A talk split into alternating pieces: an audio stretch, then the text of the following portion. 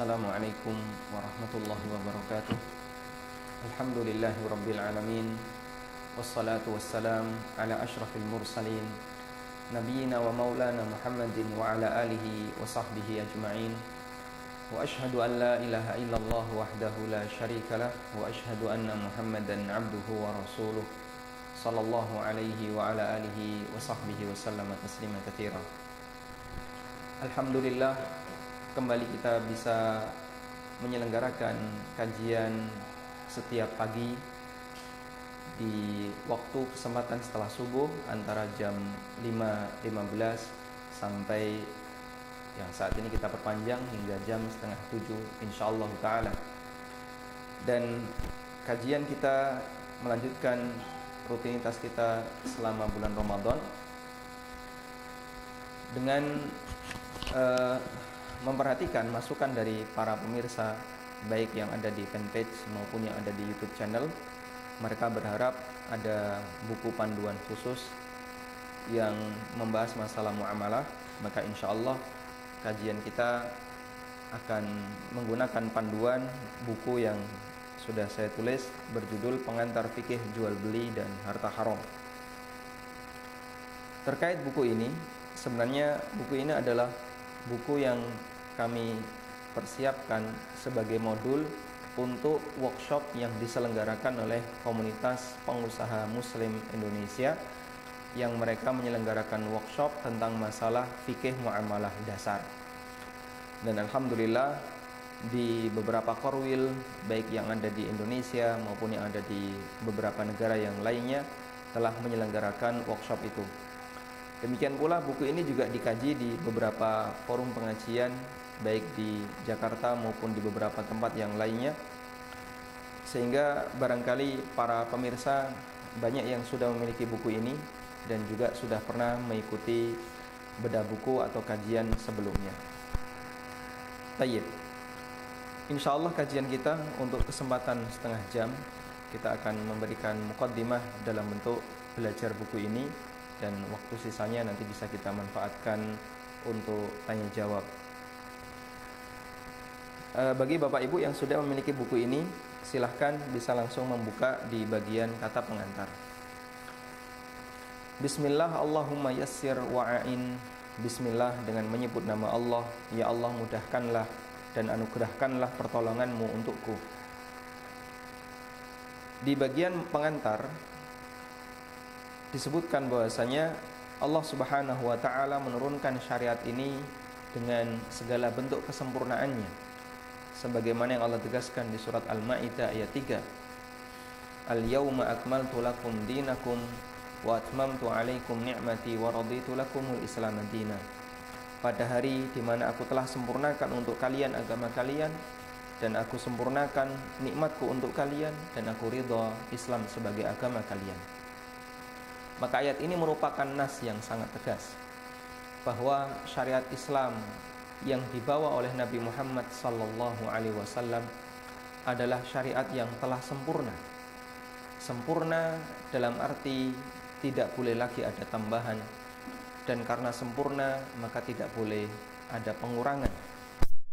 Sehingga syariat ini mencakup untuk kebutuhan semua manusia, kebutuhan hidup manusia dari sejak dia diturunkan sampai akhir zaman. Karena itulah Al-Imam Malik rahimahullah pernah mengatakan dalam sebuah kalimat yang sangat terkenal ketika beliau menjelaskan ayat ini Man ibtada bid'atan fara'ahu hasanan faqad za'ama bi anna Muhammadan sallallahu alaihi wasallam khana risalah. Barang siapa yang melakukan satu amal yang itu tidak pernah diajarkan Nabi sallallahu alaihi wasallam dan dia menganggap amal itu sebagai amal baik, maka bisa jadi dia telah menuduh Nabi Muhammad sallallahu alaihi wasallam telah mengkhianati risalah. Lianna Allah yaqul karena Allah Subhanahu wa taala berfirman, "Al-yauma akmaltu lakum dinakum." Pada hari di mana aku telah sempurnakan agama kalian. Lalu beliau mengatakan, "Fama lam yakun yauma idzin lam yakunil yauma dinan." Karena itu apa pun yang bukan bagian dari agama di zaman Nabi Sallallahu Alaihi Wasallam, maka itu juga bukan bagian dari agama di zaman kita saat ini. Sehingga mengingat agama ini telah sempurna sekali lagi tidak boleh ada penambahan dan tidak boleh dikurangi. Menambahkan sesuatu yang sempurna itu bukan semakin menyempurnakan tapi merusak. Karena itu komentar sebagian orang, apa salahnya ketika kita tambahkan A, kita tambahkan B dalam kegiatan ibadah sholat yang kita kerjakan? Bukankah itu akan semakin menambah pahala? Jawabannya, itu bukan menambah pahala, tapi malah merusak syariat Anda. Karena sesuatu yang sempurna ketika ditambahkan, dia bukan semakin memperindah, tapi semakin merusak. Alhamdulillah Allah Subhanahu wa Ta'ala berikan kita dua mata, dan itu sempurna bagi manusia. Ada nggak di antara manusia yang bersedia untuk dikasih satu mata tambahan, ditaruh di tengah? Ya. Bukan semakin membuat dia makin cakep, tapi membuat dia makin menakutkan. Meja ini sempurna ketika dia punya kaki yang berada di bawah. Apa yang bisa Anda katakan ketika ada orang yang menambahkan satu kaki di atas? Nah, nanti bisa menghalangi kamera, ya. sehingga pembicara tidak kelihatan. Kita sempurna dengan memiliki dua tangan. Di masing-masing tangan ada lima jari. Tentu manusia akan dikatakan cacat ketika ada tambahan satu jari. Itu kesempurnaan dari sisi fisik manusia. Yang Allah katakan dalam Al-Quran, Alladhi khalaqa fasawwa. Dialah zat yang menciptakan dan dia yang menyempurnakan. Maka bagaimana lagi dengan kesempurnaan syariat? Kalau kesempurnaan fisik manusia, kesempurnaan fisik barang yang ada di sekitar kita, mungkin ada cacatnya. Manusia yang cacat banyak. Tapi syariat cacat tidak ada. Karena Allah yang menurunkan dan Allah jadikan syariat itu maksum. Sebab sumbernya adalah zat yang maha benar. Yang menurunkan kebenaran di posisi yang benar. Disampaikan dalam waktu yang benar. Dan itulah syariat yang dibawa oleh Nabi Muhammad sallallahu alaihi wasallam. Ini berbeda dengan syariat nabi-nabi sebelumnya yang mereka belum disempurnakan oleh Allah sehingga ketika ada nabi yang diutus setelahnya maka menyempurnakan syariat nabi sebelumnya dan begitu seterusnya hingga yang terakhir adalah Nabi Muhammad sallallahu alaihi wasallam. Karena itulah pada waktu uh, di zaman Umar bin Khattab radhiyallahu anhu datang seorang Yahudi bertanya kepada Umar. Laqad laqad nazala fikum laqad nazalat fikum ayatun Lau unzilat fina la ja'altahu idan. Di tengah kalian ada satu ayat yang diturunkan. Andaikan ayat itu turun kepada kami, maksyaral Yahud, orang-orang Yahudi, tentu waktu turunnya ayat itu akan kami jadikan sebagai kesempatan untuk berhari raya. Lalu Umar bin Khattab tanya kepada Yahudi ini, ayat apa yang kamu maksud? Yahudi itu mengatakan, Al-yawma akmaltu lakum dinakum yaitu firman Allah di surat Al-Maidah ayat 3 pada hari di mana aku telah sempurnakan agama kalian. Artinya Yahudi tidak punya pernyataan seperti ini dalam kitabnya. Yang itu bukti bahasanya syariatnya akan disempurnakan oleh Allah dengan adanya nabi berikutnya dan yang terakhir adalah Nabi Muhammad sallallahu alaihi wasallam. Kemudian dengan ini akan semakin membuat kita lebih bersyukur kepada Allah Subhanahu wa taala. Allah jadikan kita sebagai seorang hamba yang mengikuti seorang nabi di mana syariatnya telah Allah sempurnakan sehingga tidak butuh tambahan baik bersumber dari ajaran nabi sebelumnya, kitab-kitab sebelumnya maupun yang bersumber dari mimpi apalagi dari logika manusia. Kemudian salawat dan salam tercurah bagi teladan tertinggi kita yaitu Rasulullah sallallahu alaihi wasallam. Beliau mengemban amanah dakwah dan beliau sampaikan semuanya, tidak ada yang ketinggalan, mengajarkan kepada umat semua yang dibutuhkan sampai akhir zaman untuk kebahagiaan mereka baik di dunia maupun di akhirat. Beliau sallallahu alaihi wasallam pernah bersabda, "Ma baqiya syai'un yuqarribu minal jannah wa yuba'idu minan nar illa wa qad lakum." nggak ada satupun yang tersisa yang bisa mendekatkan seseorang ke surga atau menjauhkan seseorang dari neraka kecuali telah dijelaskan kepada kalian. Sehingga Nabi Muhammad SAW telah menjelaskan kepada manusia kebahagiaan mereka ketika di akhirat yang itu akan memberikan imbas kepada kebahagiaan mereka ketika di dunia. Kemudian di sini juga saya sebutkan bahwasanya buku pengantar fikih jual beli adalah buku perdana saya dalam masalah fikih muamalah maliyah. Karena ada beberapa buku yang saya tulis sebelum buku pengantar fikih jual beli seperti buku fikih kurban, kemudian fikih sholat duha, ada juga buku yang kami khususkan untuk orang-orang yang sedang sakit, judulnya Untukmu yang sedang sakit. Kemudian ada buku yang membahas tentang doa dan zikir sepanjang Ramadan. Sementara untuk buku fikih muamalah, pertama yang saya tulis adalah pengantar fikih jual beli. Dan awalnya buku ini tipis ya, yang berwarna biru dan sudah tidak cetak lagi Kemudian seiring dengan banyaknya pengguna buku itu, banyak yang meminta ada eh, tambahan-tambahan, uh, akhirnya kita tambahkan dengan beberapa penjelasan, jadilah buku pengantar fikih jual beli dan harta haram yang tebalnya kurang lebih 280 halaman. Kemudian selanjutnya kita akan melihat mengenal ilmu fikih. Ilmu fikih Fikih secara bahasa artinya adalah al-fahmu. Fikih secara bahasa artinya adalah al-fahmu. Sebagaimana yang Allah firmankan dalam Al-Quran ketika Allah menceritakan doanya Musa alaihi salatu wassalam. Wahlul uqdatam min lisani yafqahu qawli. Ya Allah, cabutlah ikatan dalam lisanku sehingga kesulitan aku ketika bicara hilangkan yafqahu qawli agar mereka Firaun dan bala tentaranya memahami agar mereka fakih terhadap ucapanku. Yafqahu di situ maknanya adalah yafhamu agar mereka memahami apa yang aku ucapkan. Itu makna fikih secara bahasa. Allah Subhanahu wa taala juga berfirman bahwasanya segala sesuatu yang ada di alam ini bertasbih. Binatang-binatang bertasbih ya. Kemudian yang ada di sekitar kita bertasbih. Lalu Allah katakan, "Walakin la tafqahuna tasbihahum." Namun kalian tidak fikih terhadap tasbih mereka. Maksudnya adalah kalian tidak faham, walakin la tafhamuna tasbihahum. Kalian tidak paham terhadap tasbih mereka.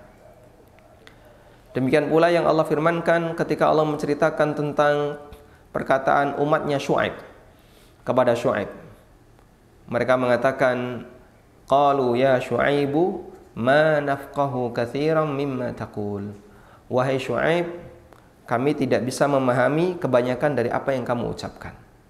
Di situ pakai ungkapan ma nafqahu, kami tidak fikih. Maksudnya adalah kami tidak faham. Sehingga makna fikih secara bahasa adalah memahami. Maka penggunaan makna bahasa ini berlaku baik dalam kegiatan syariat maupun non syariat baik dalam kegiatan agama maupun kegiatan dunia. Sehingga ketika Anda berbicara dengan sesama atau Anda ngobrol dengan orang lain dan Anda memahami perkataan orang lain, maka paham dalam masalah ini bisa disebut sebagai uh, bentuk fikih terhadap objek yang Anda pahami. Anda belajar matematika. Lalu Anda katakan, "Saya sudah fikih dalam bab ini." Boleh, tapi makna fikih di situ adalah makna fikih secara bahasa. Maksudnya adalah Anda sudah paham terhadap bab yang telah Anda pelajari. Selanjutnya, fikih secara istilah. Fikih secara istilah dia mengalami uh, perubahan makna dipengaruhi oleh kondisi perkembangan ilmu ini. Karena seperti yang kita tahu, ilmu itu semakin semakin uh, jauh dia semakin bertambah dan semakin sempurna. Dalam arti semakin mengerucut. Sehingga ketika ada sebuah ilmu, pada waktu awal ilmu itu muncul, maka dia sifatnya sangat global. Kemudian mengerucut, mengerucut, mengerucut, mendetail sampai kemudian menjadi cabang ilmu tertentu. Karena itulah kita bisa perhatikan berbeda antara pengertian fikih yang disampaikan oleh para ulama mutaqaddimin, para ulama masa silam dengan pengertian fikih yang disampaikan oleh para ulama mutaakhirin, para ulama belakangan. Di sini saya sebutkan perkataan Abu Hanifah, semoga bisa mewakili penjelasan tentang definisi fikih menurut ulama mutaqaddimin, menurut ulama masa silam. Kata Abu Hanifah, fikih adalah ma'rifatun nafsi ma laha wa ma 'alaiha. Fikih adalah uh, mengenalkan diri kita ini terhadap hak dan kewajiban. Mengenal apa yang menjadi hak kita dan mengenal apa yang menjadi kewajiban kita. Itulah fikih. Dan kita bisa tahu definisi fikih dengan kalimat seperti ini ruang lingkupnya sangat luas. Mencakup semua hak dan kewajiban dalam uh, dalam semua lini kehidupan manusia. Baik dalam masalah akidah, dalam masalah ibadah, dalam masalah pergaulan dengan keluarga, dalam masalah pergaulan dengan uh, tetangga, dengan masyarakat, dan seterusnya. Termasuk bagaimana dalam bermuamalah. Sehingga karena cakupannya yang masih luas, maka sering mendapatkan sebutan dengan istilah fikih akbar. Sering mendapatkan sebutan dengan istilah fikih besar mengingat dia cakupannya sangat luas. Mencakup dalam semua kewajiban yang harus dipahami oleh manusia. Dan hak apa saja yang harus diketahui oleh manusia. Dan itulah makna tafakku fitin, memahami agama dalam uh, pernyataan yang pernah disampaikan oleh Nabi Shallallahu Alaihi Wasallam. Mayuridillahu bi khairan yufaqihu fid din. Barang siapa yang Allah kehendaki untuk menjadi orang yang baik, maka Allah jadikan dia fakih dalam masalah agama. Fakih dalam masalah agama tidak hanya khusus masalah bidang ilmu fikih saja, tapi juga fikih dalam masalah akidah, fikih dalam masalah uh, ada bergaul dengan sesama, fikih dalam masalah apa misalnya bermuamalah dengan yang lain, fikih dalam masalah ibadah dan yang lainnya. Kemudian dalam perjalanannya, ya, dalam perjalanannya setelah fikih menjadi cabang ilmu tersendiri, ulama membatasi kajian fikih hanya berlaku untuk hukum yang terkait amal perbuatan manusia. Sehingga mereka mendefinisikan fikih dengan kalimat al-ilmu bil ahkam syar'iyyah al-amaliyah al-muktasabah min adillatiha tafsiliyah. Kita ulang. Al-ilmu bil ahkam syar'iyyah al-amaliyah al-muktasabah min adillatiha at-tafsiliyah. Al-ilmu ilmu bil ahkam syar'iyyah terkait hukum syariat. Al-amaliyah yang hubungannya dengan masalah amal. Sehingga yang hubungannya dengan masalah keyakinan tidak masuk dalam bidang ilmu fikih al-muktasabah min adillatiha yang disimpulkan dari dalil-dalilnya at-tafsiliyah yang rinci. Sehingga di sini ada lima atau empat unsur batasan tentang fikih. Jadi definisi definisi itu uh, yang paling bagus itu punya dua kriteria. Jami' mani' Jami' mani. Jami' itu artinya mengumpulkan seluruh unsurnya. Mani artinya menghalangi jangan sampai yang bukan bagian dari unsurnya masuk di dalamnya. Sehingga ungkapan yang lain untuk definisi adalah definisi itu ibarat batasan. Ibarat batasan. Coba Anda definisikan apa itu ilmu. Itu artinya Anda membuat batasan. Ilmu itu ya batasnya kayak gini batas kanan sampai di sini, batas kiri sampai di sini, batas atas sampai di sini, batas bawah sampai di sini. Itulah ilmu. Keluar dari batas ini bukan ilmu. Tolong kasih definisi apa itu masjid. Oh, masjid itu adalah Anda kasih definisi. Maka ketika Anda memberikan definisi, berarti Anda memberikan batasan. Anda memberikan batasan. Karena itulah batasan yang paling bagus adalah batasan yang mengumpulkan seluruh unsurnya dan menghalangi jangan sampai ada yang bukan unsurnya masuk di dalamnya. Misalnya, kita diminta untuk memberikan definisi. Puasa itu apa sih? Lalu Anda ngasih definisi.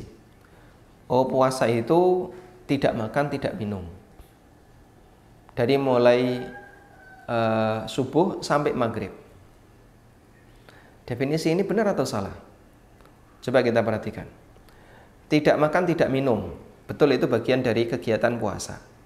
Dari mulai subuh sampai maghrib. Nah itu batasan waktunya. Cuman ada orang yang tidak makan, tidak minum, tapi dia tidak puasa. Loh kenapa? Oh, karena dia disarankan oleh dokter. Bapak tidak boleh makan, tidak boleh minum, karena nanti mau operasi. Nah, berarti definisi ini tidak tidak jamik karena masih ada atau tidak manik, tidak menghalangi karena masih ada yang bukan unsurnya masuk di dalamnya. Atau ada orang yang dia tidak mau makan, tidak mau minum selama seharian. Kenapa? Karena berharap ingin mendapatkan ilmu, kesaktian.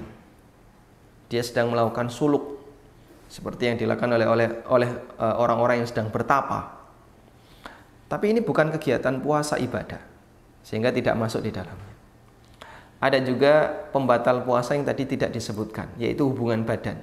Dia bukan termasuk kegiatan makan, bukan termasuk kegiatan minum, tapi dia tidak boleh untuk dilakukan ketika puasa.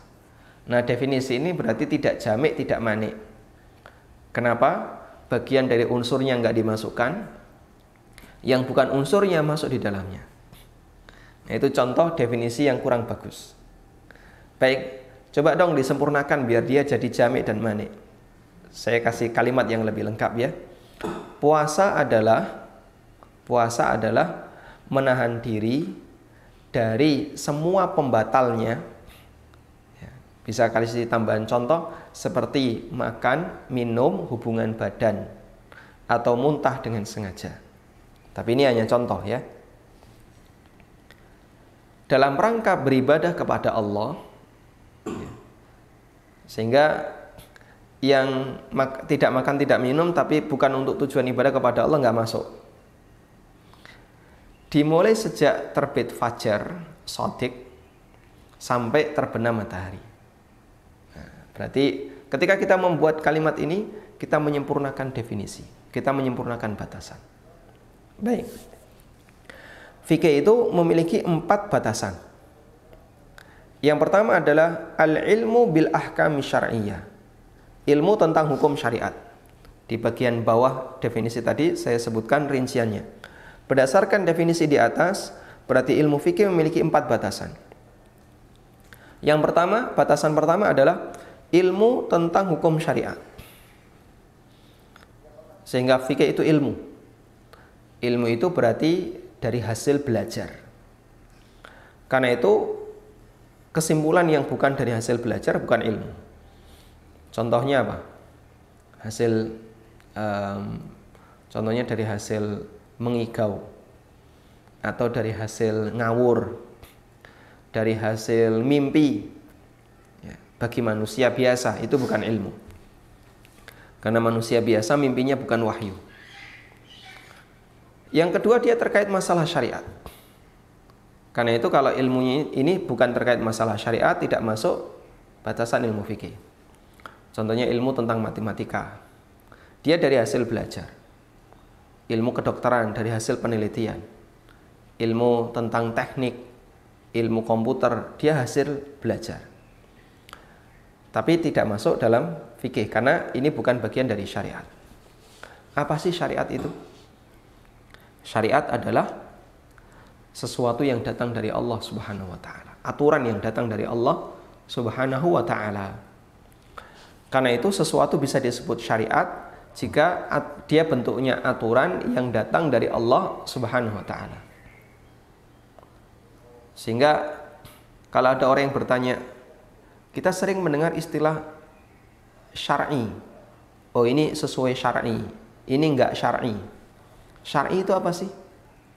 Syar'i itu artinya sesuai syariat. Disebut syar'iyun artinya sesuai syariat. Lalu apa itu syariat? Syariat adalah aturan yang datang dari Allah Subhanahu wa taala. Yang datang dari Allah itu bentuknya ada dua, Al-Qur'an dan hadis Nabi sallallahu alaihi wasallam. Kemudian yang kedua adalah tentang amal. Tentang amal. Sehingga ilmu fikih tidak membahas masalah akidah, masalah keyakinan. Tidak membahas masalah uh, validitas hadis. Hadis ini sahih ataukah tidak? Dicek perawi-perawinya. Itu tidak dibahas karena ini tidak ada kaitannya dengan masalah amal. Maka ilmu fikih khusus berkaitan dengan masalah amal. Yang ketiga, al-muktasabah yang disimpulkan dalam arti dia disimpulkan melalui istihad. Sehingga ini berbicara masalah proses. Batasan ketiga ini berbicara masalah proses. Bahasanya ilmu syariat ini membahas masalah objeknya adalah amal manusia yang dia disimpulkan. Berarti prosesnya melalui istihad. Karena itu kalau prosesnya melalui ngawur itu bukan ilmu fikih. Dia bicara tentang wah nanti tanda-tanda hari kiamat seperti ini, nanti akan ada ini, ada ini, ada ini. Ngawur. Orang kalau yang punya pemahaman agama nonton video yang berbicara tentang akhir zaman itu hanya ada dua kemungkinan. Kalau nggak ngelus dodo, ngekek tertawa. Ya, karena orang yang terlalu ngawur dan ngawurnya sangat kelihatan. Cuman karena penampilannya seperti ustadz, bukan penampilan seperti dukun, bahkan dia pakai sorban, mungkin masyarakat awam percaya. Oh ini benar, benar dan seterusnya. Tapi kalau orang punya pemahaman masalah agama, nonton video kayak gini, jelas semua akan komentar ini ngawur, ngawurnya sangat kelihatan. Karena kan ngawur ada dua ya, ada ngawur yang sangat kelihatan terlalu vulgar dan ada ngawur yang semut ya, yang lebih lembut. Ini ngawurnya terlalu vulgar. Terlalu vulgar sehingga begitu terbukti salah ya. Banyak masyarakat yang merasa dirugikan. Dan itu bukan fikih, bukan bagian dari pemahaman agama. Karena pemahaman agama itu disimpulkan dari hasil ijtihad ijtihad yang e, menggali Al-Quran dan Sunnah. Min adillatiha tafsiliyah, unsur yang keempat, batasan yang keempat adalah dari dalil-dalilnya yang rinci. Sehingga sumber fikih itu dalil. Kemudian dia mendapatkan kesimpulan berupa hukum. Yang dalil untuk masalah fikih itu dalil yang sifatnya rinci. Dalil yang sifatnya rinci itu bagaimana? Ya, lawan dari rinci adalah global, dalil yang sifatnya universal. Ya. Sehingga fikih itu tidak membahas dalil yang sifatnya universal, tapi lebih membahas kepada dalil yang sifatnya spesifik. Bisa kasih contoh Pak, dalil yang spesifik dan dalil yang universal. Contoh dalil yang universal, misalnya firman Allah Ta'ala, Wa'budullaha wa la tushriku bihi syai'a beribadalah kepada Allah dan jangan berbuat syirik. Bentuk beribadah kepada Allah banyak sekali. Sehingga baik ibadah e, mencakup ibadah yang kaitannya dengan masalah keyakinan seperti ibadah batin ya, tawakal, kemudian e, roja berharap, khauf rasa takut, khasyah bertakwa dan seterusnya. Kemudian contoh yang lain seperti firman Allah Subhanahu wa taala, "Wa ma atakumur rasulu fakhudhuhu wa ma nahakum anhu fantahu." Apa pun yang datang dari Rasul ambillah. Dan apa yang dilarang oleh Rasul hindari. Ini mencakup umum. Ini mencakup umum baik yang sifatnya masalah muamalah, sifatnya masalah ibadah, masalah akidah dan yang lainnya. Itu dalil yang sifatnya universal, yang global. Kalau fikih dia lebih spesifik. Contohnya, aqimus shalah. Tegakkanlah salat. Contoh yang lain, firman Allah taala, "Idza qumtum ila salati faghsilu wujuhakum." Kalau kalian mau salat, maka cuci wajah kalian. Kemudian misalnya ayat berbicara tentang masalah aturan-aturan uh, muamalah, aturan pernikahan. Contohnya Ya ayyuhalladzina amanu la ta'kulu amwalakum bainakum bil batil illa an takuna tijaratan antara minkum. Wahai orang-orang yang beriman, jangan kalian makan harta orang lain dengan cara yang batil, kecuali melalui perdagangan yang saling ridho di antara kalian atau ayat yang terkait masalah riba, larangan riba seperti ini. Bagaimana cara tobatnya? Atau ayat yang terkait masalah hukum talak, at-talaqu marratan. Talak itu dua kali, maksudnya adalah batasan maksimal yang masih boleh rujuk. Kalau sekali lagi talak, maka sudah tidak ada lagi kesempatan untuk rujuk atau misalnya rincian walladzina yutawaffawna minkum wa yadharuna azwajan yatarabbasna bi anfusihinna arba'ata ashhuri wa ashra. Siapa di antara kalian yang mati dan dia meninggalkan istri maka istrinya menjalani masa iddah selama 4 bulan 10 hari. Dan begitu seterusnya. Sehingga dalil ini berbicara untuk kasus yang sifatnya lebih rinci. Lebih rinci dalam arti dia membahas khusus masalah amalan tertentu atau hukum tertentu. Nah,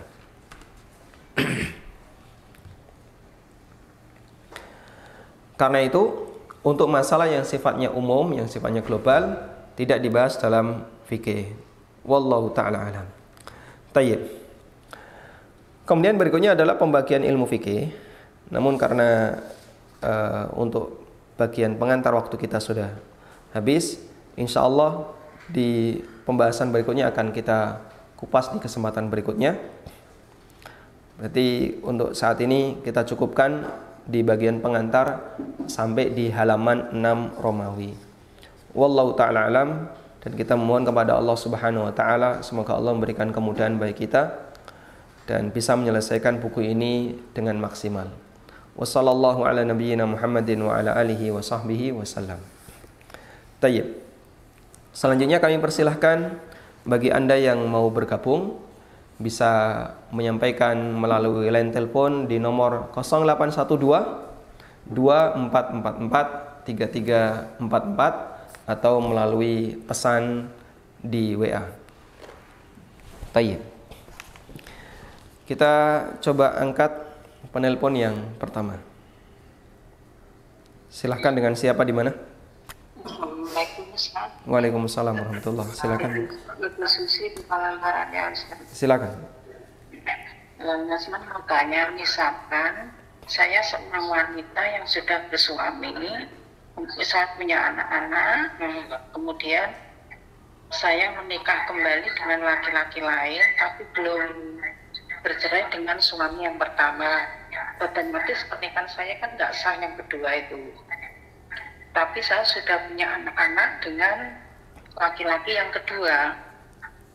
Nah, bagaimana hubungan anak yang dengan laki apa suami pertama dengan suami kedua ini apakah dia makrom Ustaz? Nah. Cukup Ibu. Okay. Baik, cukup. Assalamualaikum. Waalaikumsalam warahmatullahi wabarakatuh. Baik. Ada seorang wanita yang dia belum bercerai dengan suami pertama. Lalu dia nikah lagi dan tentu saja nikah ini adalah nikah yang batal. Dari hasil pernikahan yang kedua menghasilkan anak. Apakah anak dari pernikahan yang kedua ini boleh dinasabkan kepada suami yang pertama? Wallahu taala alam uh, detailnya insya Allah akan kita sampaikan di pertemuan berikutnya ya. Kita perlu mengutip beberapa keterangan ulama dalam masalah ini sehingga tidak bisa kita sampaikan jawabannya di kesempatan saat ini. Wallahu a'lam.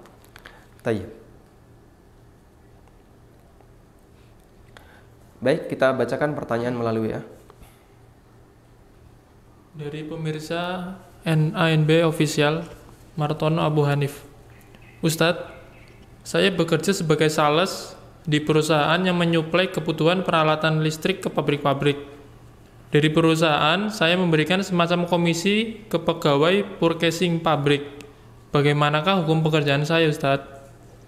Baik. Coba kita angkat satu penelpon dulu. Silahkan dengan siapa di mana? Silahkan. Assalamualaikum Pak Ustaz. Waalaikumsalam warahmatullah. Anda sudah terhubung, langsung silahkan disampaikan. Ini Pak Ustaz. Halo. Silahkan. Ah.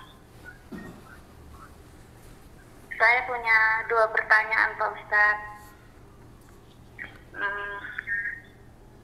Yang pertama, apakah puasa kita puasa bulan Syawal itu jadi gini Pak.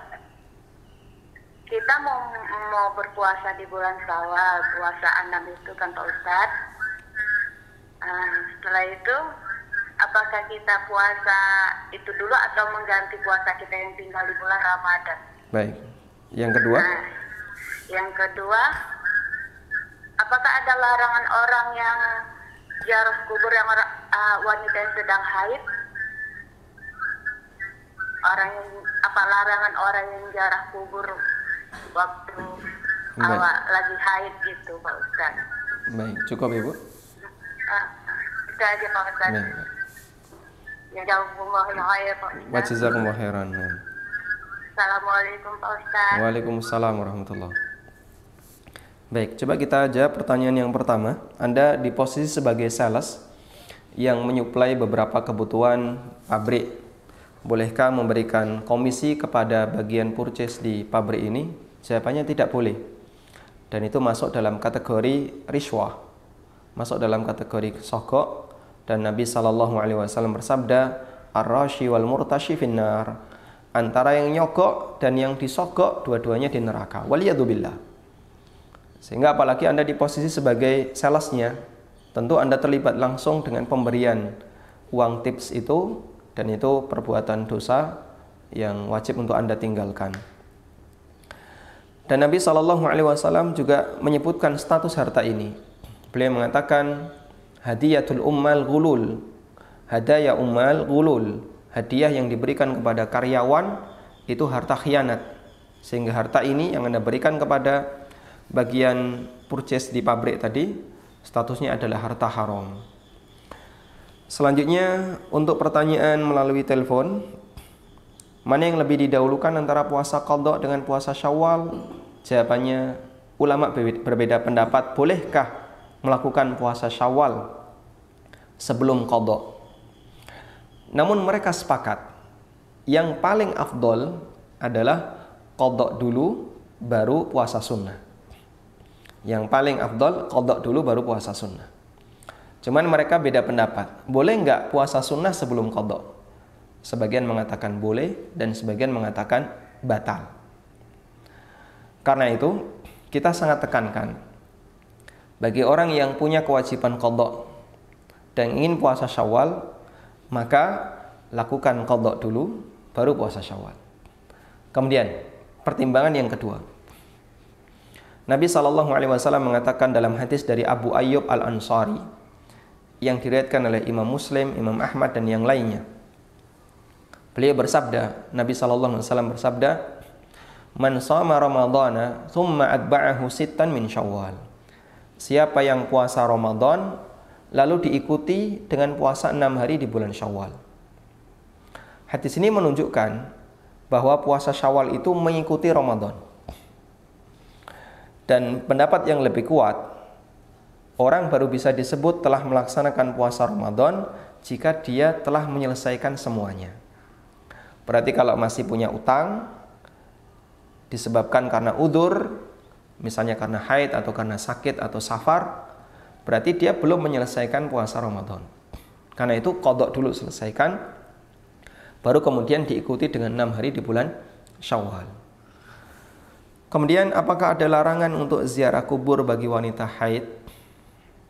Yang ada adalah hadis yang menunjukkan larangan untuk ziarah kubur bagi wanita, baik dalam kondisi suci maupun dalam kondisi haid. Meskipun ulama berbeda pendapat, apakah larangan itu sifatnya larangan haram ataukah larangan makruh? Apakah larangan itu larangan untuk sering melakukannya ataukah larangan mutlak? Ada khilaf dalam masalah ini. Sebagian ulama mengatakan larangan ini berlaku bagi mereka yang terlalu sering ziarah kubur. Sehingga untuk wanita yang punya rutinitas ziarah kubur, hukumnya dilarang. Tapi kalau dia ziarah kubur hanya sesekali, jarang-jarang, hukumnya diperbolehkan. Dan insya Allah pendapat yang kedua ini, atau pendapat ini yang lebih mendekati, sehingga wanita boleh ziarah kubur, namun sifatnya tidak boleh dijadikan sebagai rutinitas. Rutin itu bagaimana? Jangan terlalu sering. Mungkin cuma setahun sekali atau setahun dua kali.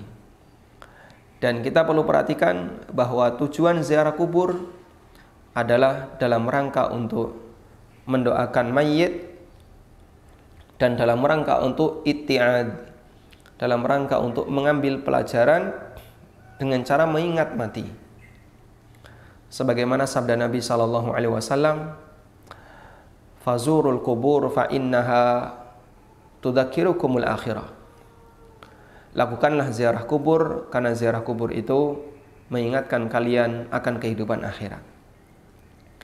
Sehingga tujuan besar ziarah kubur adalah agar kita ingat mati, kita ingat akhirat, membuat kita tidak semakin cinta kepada dunia. Dan bukan sebaliknya, ziarah kubur dengan membawa uh, hajat dunia, ingin lulus CPNS ziarah kubur. Ini keliru. Ya. atau ingin apa misalnya biar dapat nilai yang baik ziarah kubur. Ini keliru.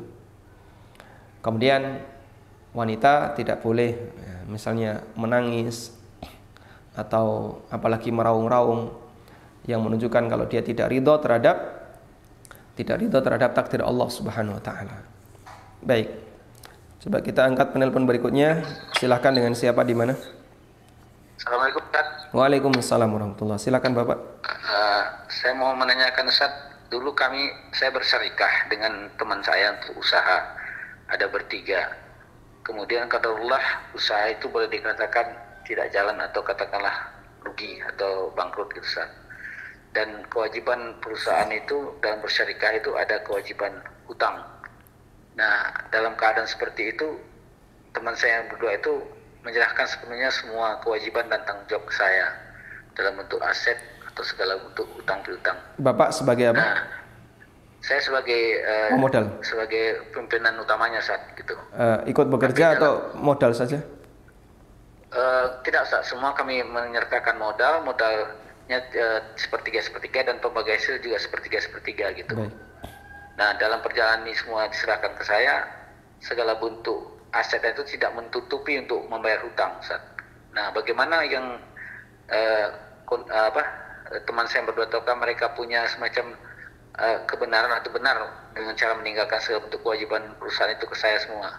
Terus sebaliknya apakah benar saya menjalankan kewajiban saya untuk membayar hutang itu secara pribadi saya, Ustaz? Baik. Nah, mungkin itu sementara saat. Barakallahu fikum. Assalamualaikum warahmatullahi wabarakatuh. Waalaikumsalam warahmatullahi wabarakatuh. Baik. Nabi Shallallahu Alaihi Wasallam menyebutkan dalam hadis riwayat Ahmad, Abu Dawud dan yang lainnya, hadisnya sahih. Beliau bersabda, "Wala ribahu ma lam yudman." Tidak ada keuntungan yang tidak menanggung resiko kerugian. Dalam riwayat yang lain beliau bersabda, "Al-harraj bid yang namanya hasil itu berbanding lurus dengan resiko kerugian. Sehingga siapa yang ingin untung, maka dia harus siap dengan resiko rugi. Karena itu ada keseimbangan peluang untung sama dengan resiko rugi. Ketika orang melakukan syirkah, dia berharap bisa dapat keuntungan bagi hasil. Maka di saat yang sama dia juga harus siap dengan resiko kerugian.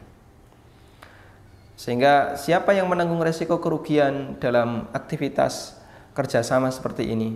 Jawabannya semua yang terlibat, baik sebagai pemodal maupun sebagai pengelola.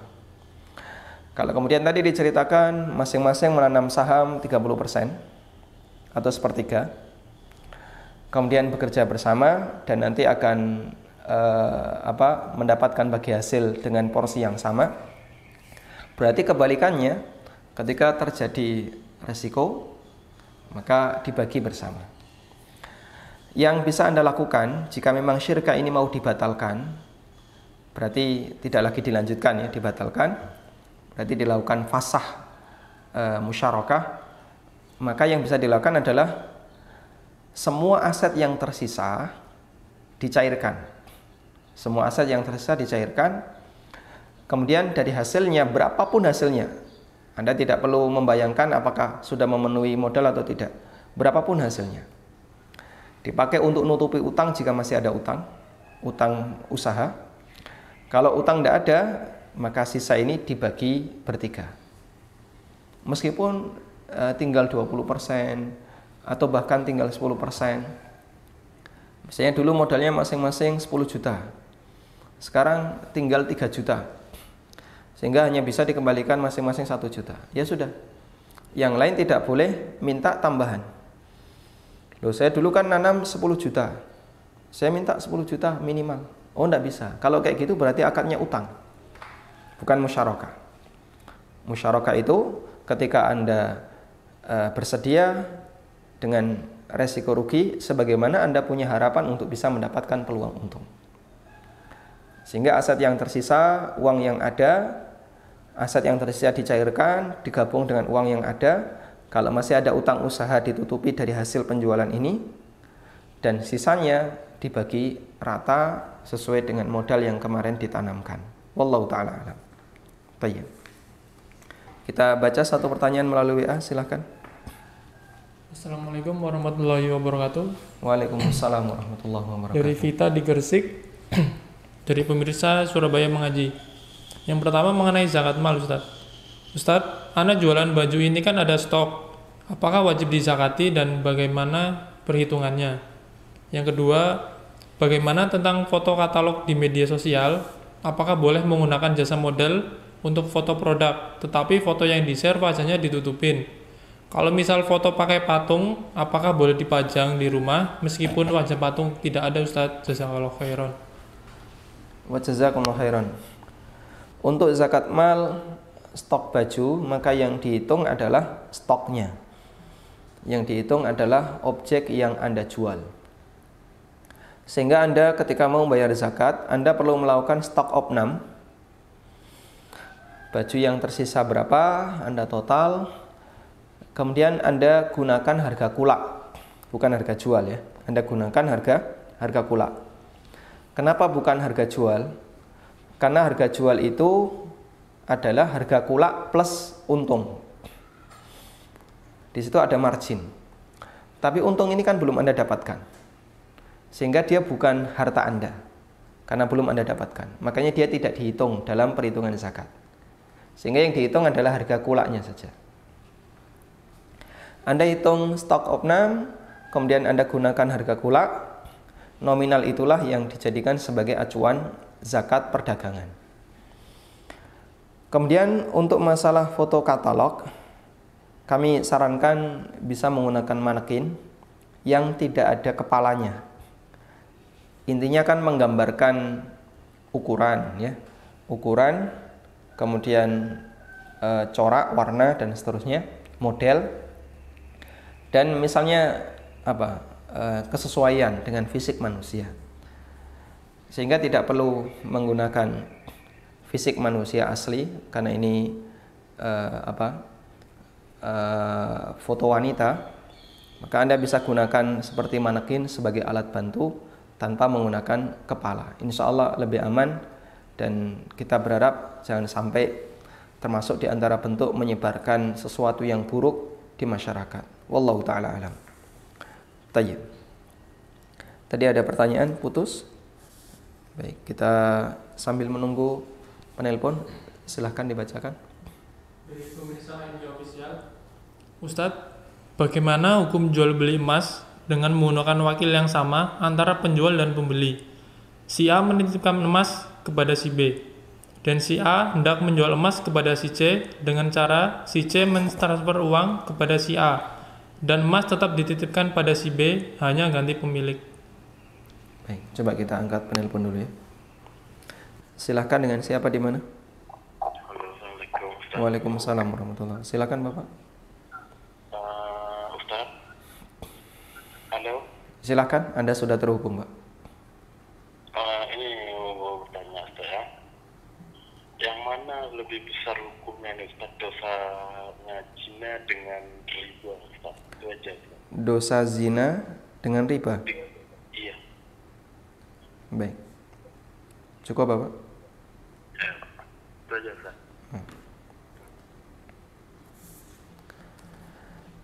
Baik, coba kita jawab pertanyaan melalui pesan WA hukum jual beli emas tapi melalui wakil ya. A sebagai pemilik sebagai pemilik emas, kemudian B sebagai pembeli. Lalu masing-masing mewakilkan orang. C A mewakilkan C, B mewakilkan D. Lalu pembeli mentransfer ke D kemudian mereka bertemu untuk melakukan transaksi emas. Hukumnya diperbolehkan karena yang dimaksud tunai dalam transaksi jual beli emas adalah objeknya sama-sama ada di tempat. Objeknya sama-sama ada di tempat. Sehingga objek ini objek emas dibawa oleh punyanya si A, dibawa oleh si C. Objek uang punyanya si, si B, dibawa oleh si D. Lalu C dan D ketemu. Maka terjadilah pertukaran antara objek emas dengan objek uang. Kemudian dibawa oleh mereka sebagai wakil dari pemiliknya. Insya Allah tidak ada masalah. Selanjutnya mengenai mana yang lebih besar antara dosa zina ataukah dosa riba. Ada dua pertimbangan dalam masalah ini. Dan ini pernah kita bahas di buku yang sudah lama terbit ya buku saya. Judulnya ada apa dengan riba.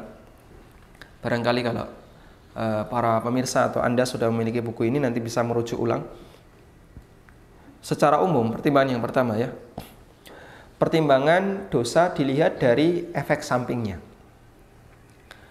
Secara umum, dosa yang memberikan efek samping madorot yang lebih buruk, lebih besar dibandingkan dosa yang efek sampingnya lebih ringan. Karena itulah perbuatan dosa seperti membunuh masuk dalam kategori dosa besar yang sangat besar karena efek sampingnya sangat buruk di masyarakat. Menghilangkan nyawa orang lain padahal eh, itu dengan alasan yang tidak benar. Termasuk juga dosa zina. Melihat dari efek sampingnya, dia masuk dalam kategori dosa besar yang sangat besar. Karena disebabkan dosa zina terjadilah kerusakan nasab. Disebabkan dosa zina terjadi kebingungan masalah mahram. Disebabkan karena dosa zina terjadi misalnya hancur kehormatan seseorang. Dan aneka efek samping yang lainnya. Ya, nanti bingung masalah warisan ini berat dapat warisan ataukah tidak. Orang menjadi rusak tatanan kehidupannya disebabkan karena perbuatan dosa zina. Ini kalau kita melihat dari sisi efek samping.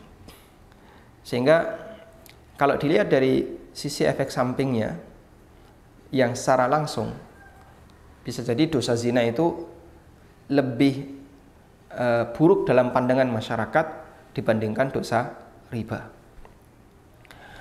Kalau orang melakukan transaksi riba, si A dengan si B melakukan transaksi riba, di situ ada tambahan. Maka dia ada efek sampingnya. Efek sampingnya apa? Ada bentuk kezoliman yang dilakukan antara si A sebagai pemberi utang kepada si B karena dia minta tambahan di saat si A membutuhkan.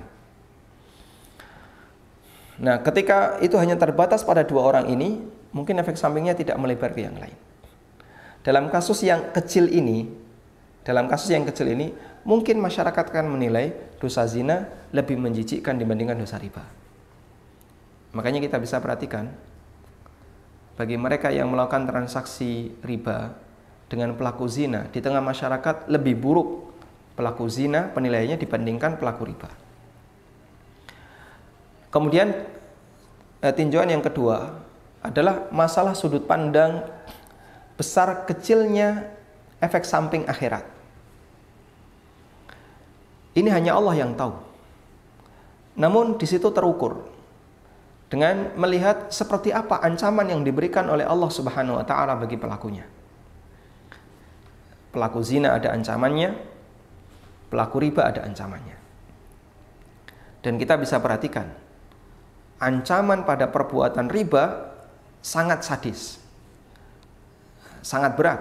Sampai Allah Subhanahu wa taala sebutkan dalam Al-Qur'an kalau kalian tidak mau meninggalkan riba, fa illam taf'alu fa'dzanu biharbi minallahi wa rasuli. Umumkan untuk perang dengan Allah dan Rasulnya. Dan karena beratnya seperti ini, sampai disebutkan dalam sebuah riwayat bahwa satu dirham riba, dirhamun riba yakuluhu rajul wa huwa ya'lam asyaddu min sittin wa thalathina zanya. Satu dirham riba yang dimakan oleh seseorang dan dia tahu kalau itu riba, maka itu lebih parah ya dibandingkan 36 kali berzina. Itu dengan melihat besar kecilnya dosa yang diemban oleh seseorang disebabkan karena perbuatan yang dia lakukan. Ala kulli hal, perbandingan ini adalah perbandingan yang menunjukkan sisi kualitas dosa. Bukan perbandingan yang tujuannya untuk memberikan alternatif. Dalam arti begini, daripada kamu riba lebih baik kamu zina. Bukan demikian. Tentu ini pemahaman yang keliru. Tapi di sini perbandingannya adalah sifatnya untuk e, menyebutkan bahwa hukuman bagi A itu lebih keras dibandingkan hukuman bagi B. Dan Allah Subhanahu wa taala Maha adil dalam hal seperti ini sehingga uh, sebagai orang yang beriman kita yakini sebagaimana apa yang telah difirmankan oleh Allah Taala dan disabdakan oleh Nabi Sallallahu Alaihi Wasallam. Coba kita angkat penelpon berikutnya. Silahkan dengan siapa di mana? Waalaikumsalam warahmatullahi Silahkan Bapak. Uh, ini saya mau tanya, apa status penghasilan saya yang diperoleh dengan menggunakan software bajakan yang saya diperoleh dari internet atau kopi dari teman karena dulunya saya belum mampu membeli dan nggak tahu keharamannya dalam Islam. Sedangkan sebagian besar itu udah dipakai untuk kebutuhan sehari-hari, untuk termasuk ibadah seperti zakat, sedekah infak. Itu gimana cara taubatnya ya Ustaz? Baik, Anda gunakan software ini untuk bekerja ya, bukan untuk belajar. Iya, untuk bekerja. Untuk bekerja, baik. Kemudian e, kalau harus dikembalikan kepada pencipta haknya itu seberapa banyak yang harus dikembalikan sedangkan saya udah mengetahui biaya lisensinya bisa dilihat dari website. Iya. Itu. Jazakumullah khairan. Wa jazakumullah khairan. Baik. Tentang penggunaan software bajakan yang digunakan untuk bekerja. Yang saya pahami begini saya kasih ilustrasi sederhana. Anda mau jualan cilok, tapi Anda nggak punya gerobak, nggak punya kompor, nggak punya panci. Akhirnya Anda bingung, gimana ini? Anda punya tepung, Anda punya bahan, tapi Anda tidak punya perlengkapan.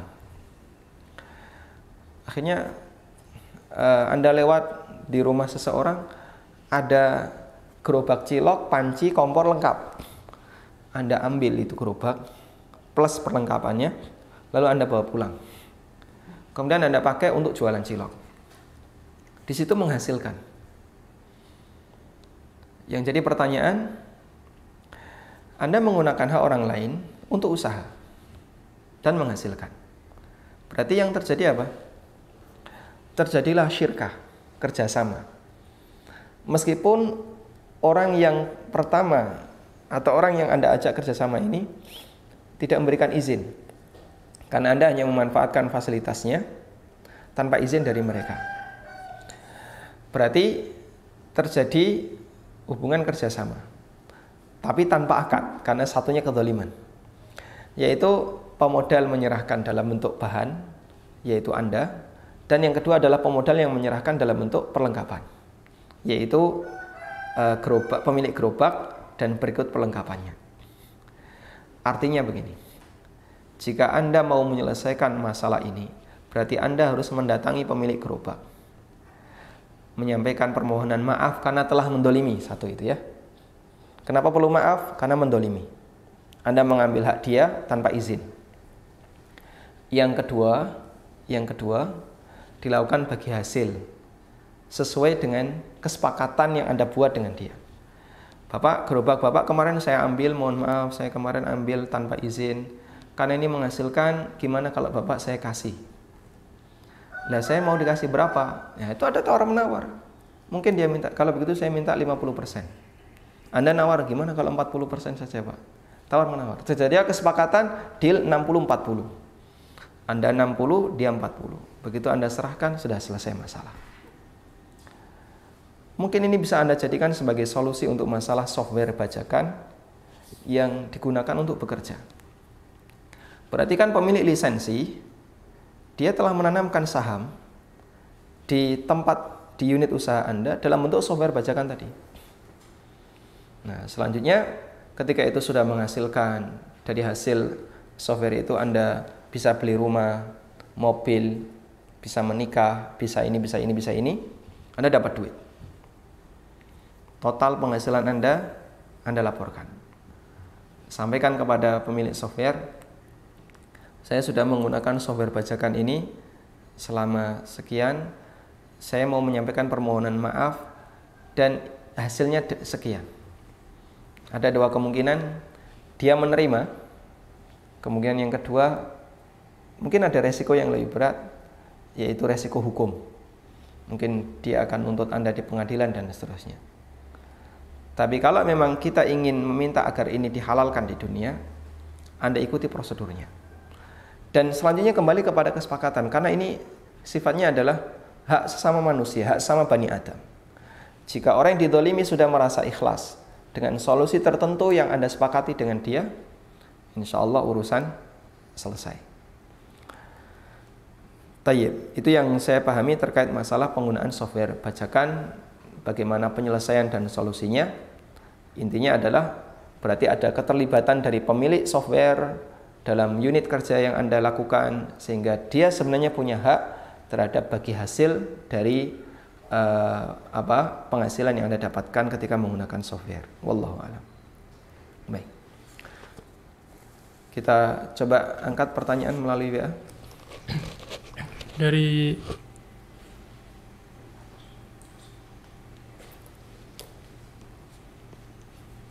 dari pemirsa ANB official Assalamualaikum warahmatullahi wabarakatuh. Waalaikumsalam warahmatullahi wabarakatuh. Ustadz, saya mau tanya, apakah untuk dalil yang bersifat global ada yang memiliki asbabun nuzul sehingga dapat masuk ke kategori fikih atau akidah?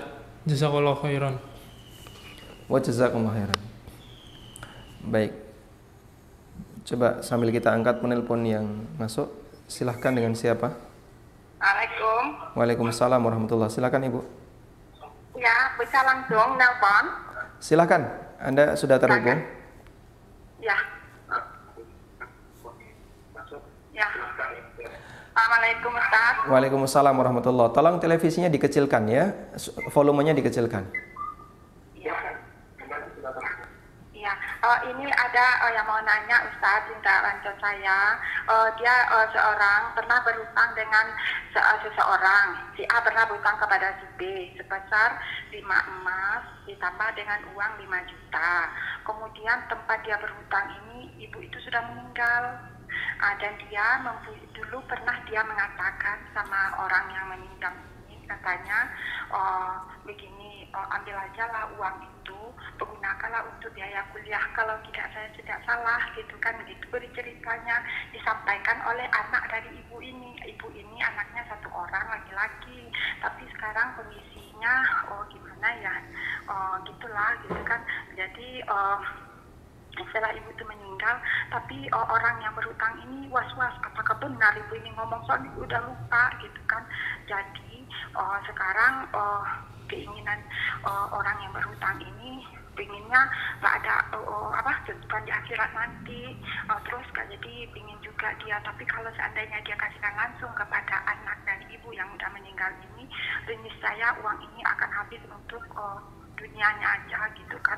Tidak berguna dan bermanfaat untuk ibu misalnya dibelikannya kepada sesuatu yang tidak bermanfaat. Karena dia tahu sekali dengan karakter dan tipikal dari anak sendiri oh gimana orangnya ya gitulah Baik. kita menggunakan aib orang gitu kan Baik. jadi kemudian uh, Cukup, jadi Ibu? orang yang berhutang ini halo Insya Allah cukup saya pahami. ini- Baik, pertanyaannya cukup dipahami. Jadi masalah Ya, pribadinya tidak perlu boleh- diceritakan. Apakah boleh uang ini dipergunakan untuk membiayai umrah dari anak ibu yang meninggal ini, tetapi tidak diceritakan kepada anak ini bahwasanya uang ini berasal dari itu. Baik, cukup?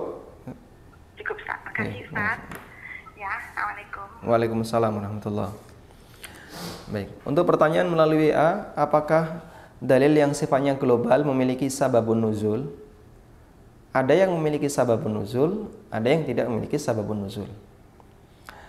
Dan seperti yang disampaikan oleh Imam Ibn Utsaimin rahimahullah, mayoritas Al-Qur'an itu tidak punya sababun nuzul. Kadang Allah turunkan langsung satu surat, ya. Sehingga dia tidak punya sababun nuzul. Latar belakangnya apa kok Allah turunkan satu surat ini? Ya terserah Allah. Allah berkehendak untuk menurunkan, Allah turunkan.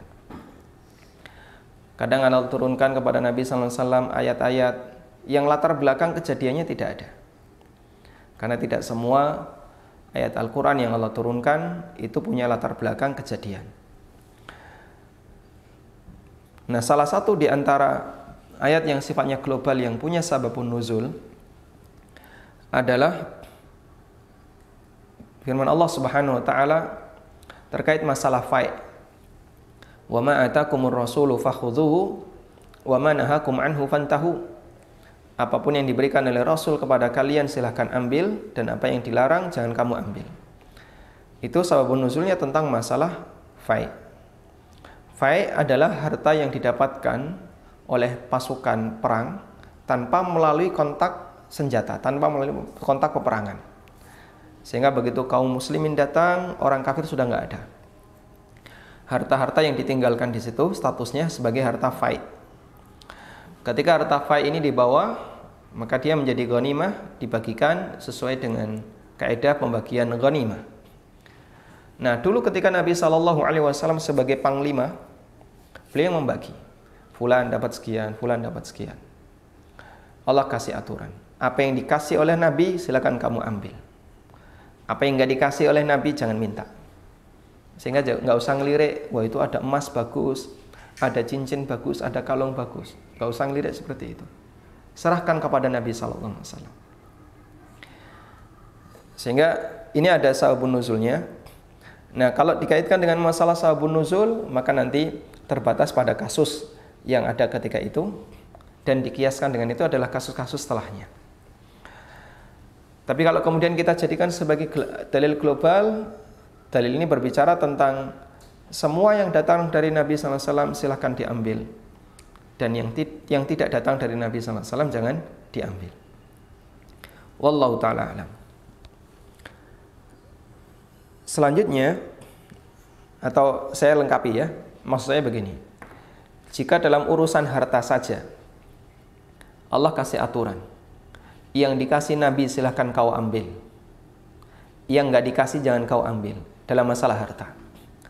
Apalagi dalam masalah aturan syariat. Sehingga dalam masalah aturan syariat, apa yang disyariatkan oleh Nabi silahkan kau ambil, harus kau ambil, dan apa yang nggak dikasih oleh Nabi SAW jangan kau ambil.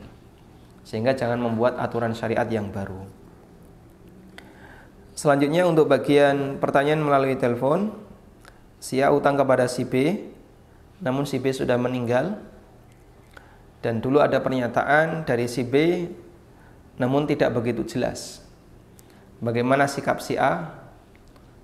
Sikap si A yang tepat adalah jika dia belum merasa yakin kalau utang itu diputihkan, kalau utang itu dianggap lunas, jika dia belum merasa yakin, berarti harus tetap dia kembalikan. Dikembalikan ke siapa? Tentu saja ke ahli warisnya. Tentu saja ke ahli warisnya. Sehingga si A bisa kembalikan utang itu kepada ahli waris pemberi utang yang sudah meninggal tadi, yaitu anaknya, agar nanti dibagi sesuai dengan pembagian warisan.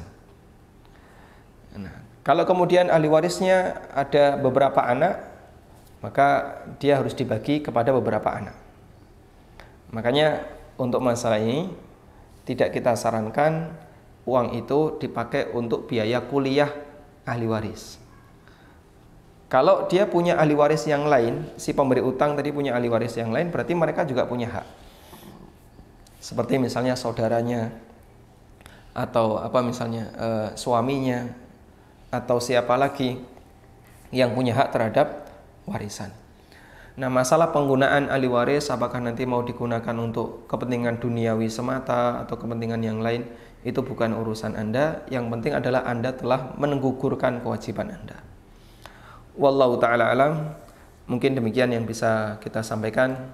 Semoga menjadi kajian yang bermanfaat dan bagi uh, penelpon berikutnya bisa disampaikan di kesempatan berikutnya. Wassallallahu ala nabiyyina Muhammadin wa ala alihi wa sahbihi wasallam wa akhiru da'wana anil hamdulillahi rabbil alamin. Wassalamualaikum warahmatullahi wabarakatuh. Subhanallah.